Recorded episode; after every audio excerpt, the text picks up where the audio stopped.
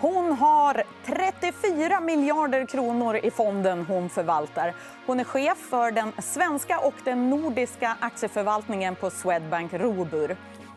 Henrietta Theorell ska ge oss sina bästa tips på vad du kan göra med dina slantar idag. Välkommen till EFN Marknad.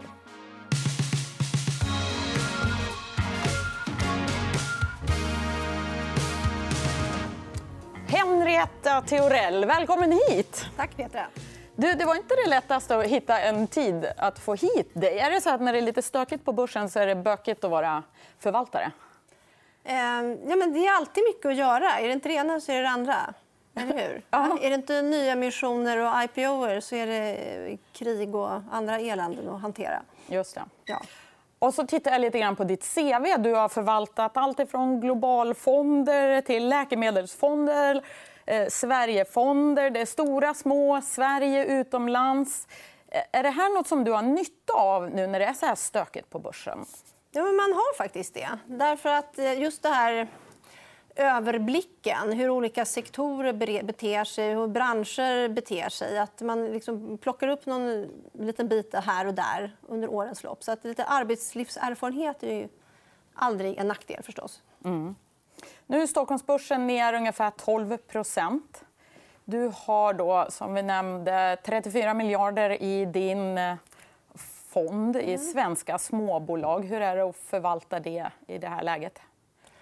Ja, det brukar vara väldigt roligt att förvalta svenska småbolag. Därför att Stockholmsbörsen har varit en av världens bästa börser.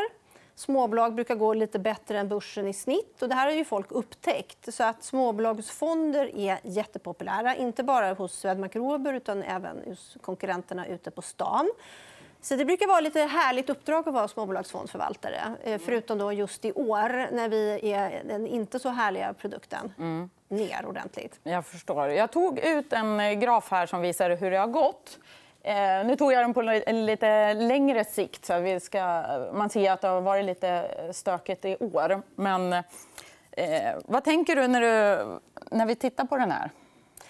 Jo, men jag tänker att man förstår ju varför folk har köpt småbolag. För det är ju klart, det här, den här grafen då, då, jag började förvalta den här fonden 2019 Eh, upp 25% om året. Så det är ju klart att man köper sånt här. Sen så är det en ordentlig eh, resa neråt. Det var ju väldigt kraftig avkastning eh, hela, hela tiden efter corona. och sen så gick det ju rakt ut för i början av året när räntan började stiga. Så det var lite mm. chockartat. Ja, det var ju vissa dagar när det var, hel, det var väldigt blodiga siffror. Vissa av mina innehav föll 5-7% bara på en dag. Mm. Eh, så jag tror att folk ryckte plåster och eh, ompositionerade sig jättefort. Så att de här aktierna är lite illikvida och går inte riktigt bra att handla i. Och när folk gör för jättestora affärer jättefort då blir det väldigt våldsamma rörelser. Och det var det man såg i januari. Varför är småbolag lite extra räntekänsliga? De växer snabbare. så att En stor del av det motiverade värdet ligger långt bort i tiden. Mm. Och då blir de ju känsliga för räntan. Och sen så tror jag också att det var även en effekt av att det är många bolag som växer via förvärv och de gör nyemissioner och de är väldigt kapitalslukande. Och då har man tagit för givet att man kan göra nyemissioner när man har lust eller man hittar något roligt förvärv. Sen så började väl den här känslan insmyga sig att det kanske inte är så lätt. Man kanske inte kan göra en massa nyemissioner. Eh, och då måste man ju justera ner den förväntade tillväxttakten i bolag som växer med hjälp av nyemissioner. Och bolag som har negativa kassaflöden de kanske rent av hamnar i problem. Så det finns ju hundratals bolag på börsen. Och, och, och folk gick ju där med sökarljuset och letade efter problembarnen. Mm. Och du har ändå 67 bolag i fonden. Mm. Blir inte det ganska svårmanövrerat? Jo, det är ganska svårmanövrerat. Eh, men det är ju en funktion av att fonden är så stor. Och sen är det så att allting är ju inte lika viktigt. Det kan man säga, det är de tio största bolagen som är de riktiga hörnstenarna, det som drar runt fonden. Sen så får man addera på med olika sektorer, storlekar och teman. Hitta små pusselbitar så man får en, ska man säga, en bra komposition. Ska vi titta på de tio största? Som mm. av en händelse. Som av en händelse har vi med dem. Ja. Ja, men det här tycker jag säger ganska mycket. För Ofta ska man komma med här lösryckta här veckans aktie och det är paneler hit och dit. Och det tycker jag är så här obehagligt. för Man måste se det på något sätt i ett sammanhang. Och det här tycker jag säger mer om hur jag förvaltar mm. eh, om man tittar på den här listan. Eh, så I storleksordningen då, då har vi Lagerkrans, Adtech, NCAB, Stiptech, Lifco. Det här är de här eh, serieförvärvarna. Mm. Och de har legat i fonden en lång, lång tid. så att De fanns där redan från början då, när, börs, när de började gå förra året. Och sen så har vi Adlife och vi har Sweco. Det är såna riktiga kvalitetsbolag såna som man kan sitta på. Och sen så Sagax dyker upp där också. Det är ett av börsens absolut mest välskötta fastighetsbolag. De brukar många tycka gott om. Ja, därför att de gör det ju så otroligt bra. Och sen så brukar man säga då att turen förföljer envist den skickliga. nu börjar ju räntan krypa uppåt. Och så plottar man in Sagax då på de här diagrammen om räntekänslighet hur illa blir det när räntan stiger. Ja, men då visar det sig att de har ju låg belåning och långa, långa löptider. Så det är ju återigen då bäst positionerat. Mm. Så den här listan på de här tio största då, det är ju en funktion av att man vill kunna köpa dem och sitta på dem. Så de är en problemfri kärna i fonden. Mm. Vi har en graf här över hur de har gått också de ja, och det här är ju helt vansinniga siffror. Eh, anledningen till den här lite udda valda startpunkten är att när, det var när Stiptech noterades för att du ville få in alla i samma. Mm. Och, ja, årliga avkastningen då från eh, 2018 och framåt ja, det är ju helt vansinniga siffror. Det är mellan 40 och 80 procent. Mm. Medan då Carnegie Small Cap Index har gått 17. Och då kan man väl kanske säga att förra året, när folk började springa på det här temat eh, i sanningens namn så var ju vissa av de här lite, lite väl dyra runt nyårsafton.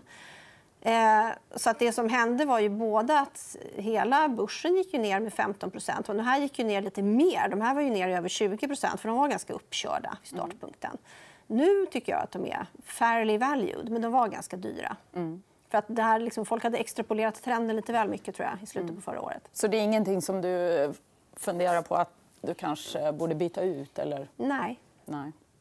Du har ju också fått lite draghjälp från eh, kanske lite oväntat håll i år. Ska vi titta på några aktier här och kanske prata lite om de bolagen? Mm. Eh, Holmen, Boliden och Axfood? Ja, ja men då är det så här, bara för att man är, har en jättestor fond och man är långsiktig så innebär inte det att man sitter och är helt passiv. Man sitter inte och sover framför skärmen. Ja. Eh, utan tvärtom. Eh, och det här att räntan började stiga det gör att man blir lite nervös då över att det ska bli en ordentlig value-rotation. Och sitter man då i svenska småbolag som har ett väldigt tillväxttilt då måste man försöka fixa till det här lite grann. Och jag hade både Holmen och Boliden i fonden redan vid årsskiftet. Men då puttade jag in lite mer pengar i de här. Mest med en tanke på att de skulle hålla emot om det var value-rally. Mm. Eh, och det som hände sen då var ju inte alls någon del av min analys. Det här med Rysslandssanktionerna och att alla, det skulle bli en råvarubrist. Eh, så att någonting som var tänkt som en diversifierande pusselbit blev portföljens lysande stjärnor, då, Holmen och Boliden. Om vi börjar med, med ja, men Holmen. Då. Eh, kan man tänka att eh, det är bra att ha skog då när, när inflationen stiger? Och är, det, är det det som ligger till grunden egentligen? Eller hur? Ja, men det här, det är, för Holmen är det lite som att vinna på Lotto med allting på en gång. Därför att Holmen men Eh, dels har ju då, eh, Ryssland exporterar sågade trävaror och de är sanktion, har sanktioner på sig. Så då är det utbudet borta.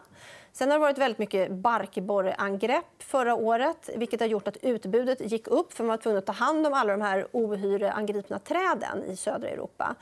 Eh, och nu kommer det inte ut lika mycket sånt virke, så utbudet har gått ner. Och då får man en jättebra, eller ur Holmens synpunkt, jättebra då, eh, ut, utbud och efterfrågebalans. Och sen då, eh, svenska kronan blev väldigt svag. Därför vi ligger väl lite för nära Ryssland. och Holmen exporterar, så där tjänar de också pengar.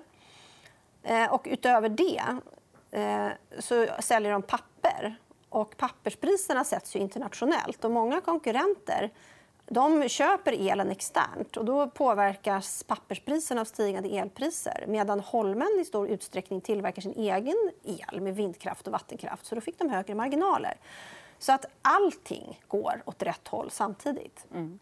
Och Boliden gynnas av ja. elektrifieringstrenden. Ja, Boliden gynnas ju av de här Rysslandssanktionerna. De gör mm. koppar, nickel eh, och zink. Eh, och allt det här kommer från Ryssland och eh, ja, där, där går utbudet ner. Sen är det ju även en långsiktig trend med elektrifiering och batterier som, eh, batterimetaller som drar upp Bolidens värden. Och då kan man också säga så här, om man, om man ska diskutera om Boliden är dyrt eller inte Boliden är oftast alltid rätt värderat för man tar den här, valuta, den här korgen av, av, råvaror. Ja, av råvaror och så tar man en korg av valutor. Och den här valutan har också gått Bolidens väg för de exporterar ju. Så tar du den där korgen och så sätter du ungefär samma p-tal och så åker aktiekursen upp och ner med den här korgen. Och allt har gått åt rätt håll och då går aktiekursen upp. Mm. Bra. Den tredje vi hade var Axfood. Axfood ja. Ja, och Axfood mm. hade jag faktiskt inga vid årsskiftet. Mm. Eh, Axfood är ju de som äger Willys bland annat. Eh, jättestor matvaruhandlare. Eh, och anledningen till att Axfood går upp så otroligt mycket det är ju att vi har såna enorma höjningar i matpriserna. Mm. Och om man säljer mat då, då ökar ju förstås omsättningen om matpriserna går upp. Eh, och då vill man ju då gärna att man ska kunna bibehålla sin marginal och höja priserna. Och det är ju väldigt enkelt om man är Axfood. För om du har elektronisk prismärkning kan du bara trycka det rakt ut på hyllan direkt. Mm. Så de brukar vara väldigt bra på att bibehålla sina marginaler. Så att dyrare priser ger eh, mer vinst helt enkelt. De är bättre på att föra över kostnaderna till kunderna? Alltså. De är jättebra på att föra över kostnaderna till kunderna. Kan man tänka att nu när det är lite kärvare då att deras lågprisalternativ kanske tar mm. lite marknadsandelar. Willys, ja. Mm. Willys är ju jättestort. De når 51 procent av alla svenskar. Och det kan vi också tänka sig att folk blir lite mer prismedvetna och går dit och handlar. Mm. Så att de är också helt perfekt positionerade för den här för konsumenten ganska hemska miljön med stigande matpriser. Men eh, Axfood rör sig också kring all time high. Mm. Det är ju allt det är lite speciellt att vara i en aktie när den ligger på de nivåerna. Att. Precis. Då måste man ju fundera på vad kan de tänkas tjäna framöver. Mm. Och då tror jag både att...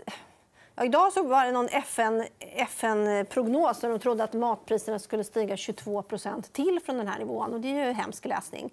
Eh, ja, då är det 22% högre omsättning då på Axfood. Mm. Eh, så att jag tror ju att vinstestimaten är säkert fel. Jag tror att Axfood kommer tjäna mer än vad vi har trott. För man kommer, alla de här vinstjusteringarna de går alltid successivt. Så dels tror jag att vinstestimaten är fel. Och sen så tror jag också att eh, de kommer ju relativt sett se helt fantastiska ut. Därför att när konsumenten blir väldigt eh, nerpressad därför att det går åt så mycket pengar till elräkningar och mat. Mm. Då blir det en massa annat som ja, går sämre. Och då kommer det vara en fantastisk egenskap att kunna leverera sina vinstförväntningar eller mer därtill. Så jag tror ju att trots att Axford står på all time high och är upp över 30% så är det fortfarande en behåll från de här nivåerna. Mm.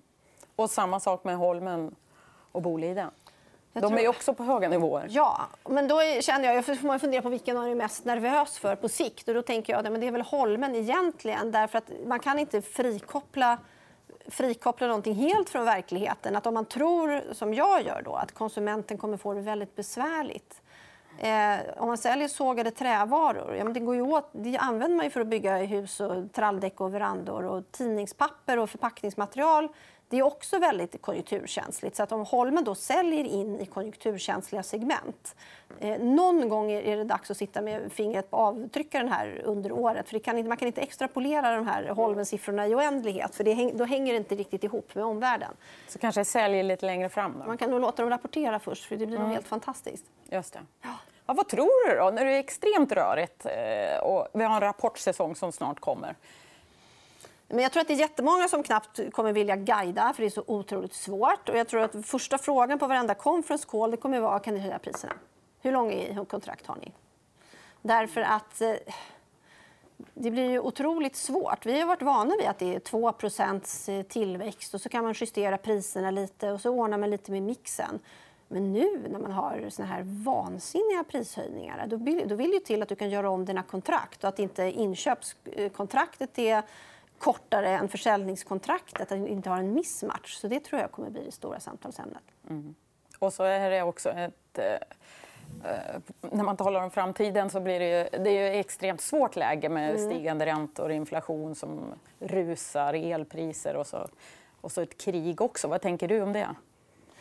Nej, men jag tänker att det går ju över. Allting går över. Kriget går över och de här prisstegringarna kommer också gå över. Men en intressant sak med inflation det är ju att om vi nu antar att oljepriset lugnar ner sig det innebär ju inte att inflationen lugnar ner sig. Därför att eftersom alla kontrakt är så trögrörliga löner sätts ju oftast en gång om året eller på långa avtal. Det som kommer hända då det är ju att alla vill kompensera sig. Eh, så att byggbranschen de kommer kompensera sig för de tror att de ska höja priserna. Och eh, löneavtalsrörelsen kommer bli att folk kommer tro att priserna fortsätter. Och så vill de få kompensation för att det var dåligt förra året. Så det är lite grann som att släppa ut ett monster ur, ur en bur när, när det här börjar. Hur ska du få stopp på det? Även om vi får stopp på eh, stigningen i energipriserna så är det inte säkert att du får stopp på inflationen. För det är väldigt förväntansdrivet också. Mm. Och till det så kommer det en massa andra dominoeffekter. Ja, det kommer jättehemska dominoeffekter. Om man försöker fundera på då vad, det här är, vad det här innebär eh, jag tittade på lite lösryckta siffror. Eh, det var någon lösryckt siffra jag hittade. De sa att eh, 27 av svenskarna klarar inte en oförutsedd utgift på 5 000 kronor utan att behöva ja, låna pengar av någon. Eh, och då tänker jag ju så här, ja, men tänk om det är en oförutsedd utgift på 5 000 varje månad. Därför nu har man både att bensinen har gått upp, att maten har gått upp, att elpriset har gått upp. För att inte prata om boräntorna. Svenskarna lånar rörligt, de har inte ens börjat röra sig. Så vi kommer att ha en, en situation när du får eh, Ja, du börjar med att besparingarna tar slut och sen får du belåna dig. Sen får du börja sudda, sudda konsumtion. Och det här kommer att gå riktigt fort. Mm. Och det här, om man tänker lite längre, då, det kan ju kanske föra med sig något positivt då, i, i form av kanske uteblivna räntehöjningar. Mm. Ja, det blir ju i förlängningen. därför att Alla är jätterädda för att man ska höja räntan ordentligt och mycket. Och då får man se hur mycket vågar centralbankerna höja räntan om du har eh, de här consumer confidence som havererar och PPI och alla de här ledande indikatorerna. För att allting hänger ju ihop. Så vi får ju se hur otäckt det ser ut i höst, hur mycket de faktiskt vågar höja räntorna. Mm. Så där finns det lite, ja, man kan inte se saker, man kan inte extrapolera skeenden i all oändlighet för det ena påverkar det andra. Mm.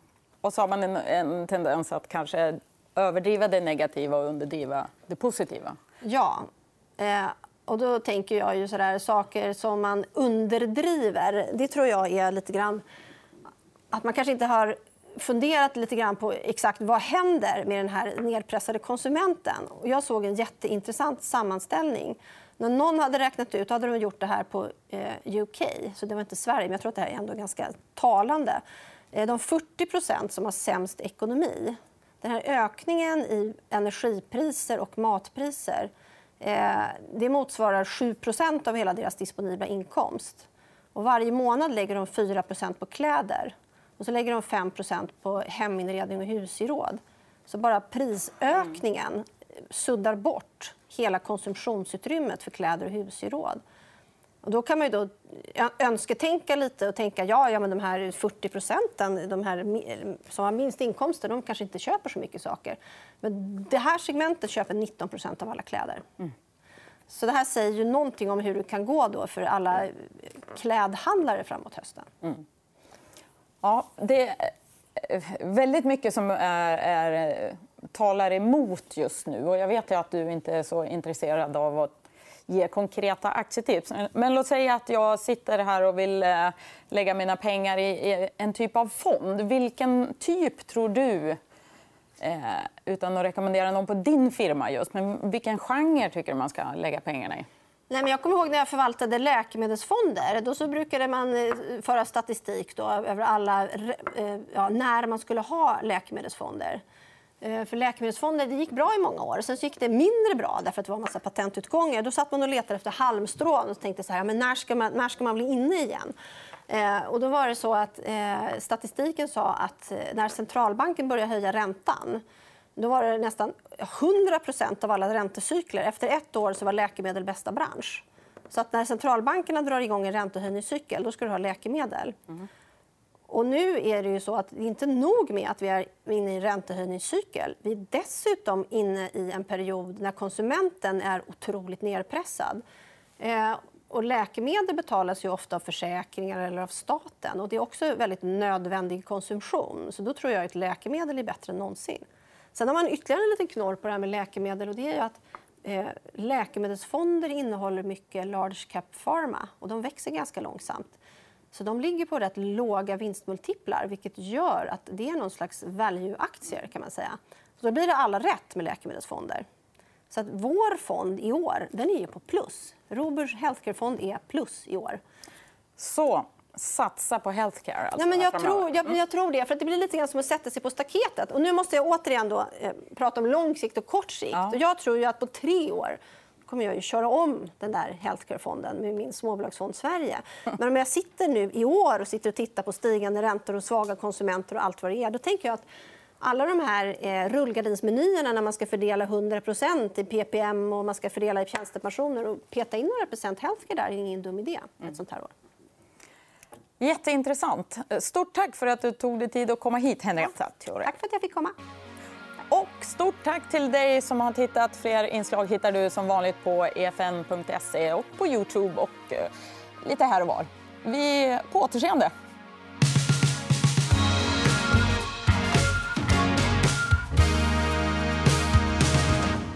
Du har lyssnat på EFN Marknad, en podd av EFN Ekonomikanalen. Mer om ekonomi och aktier finns på efn.se.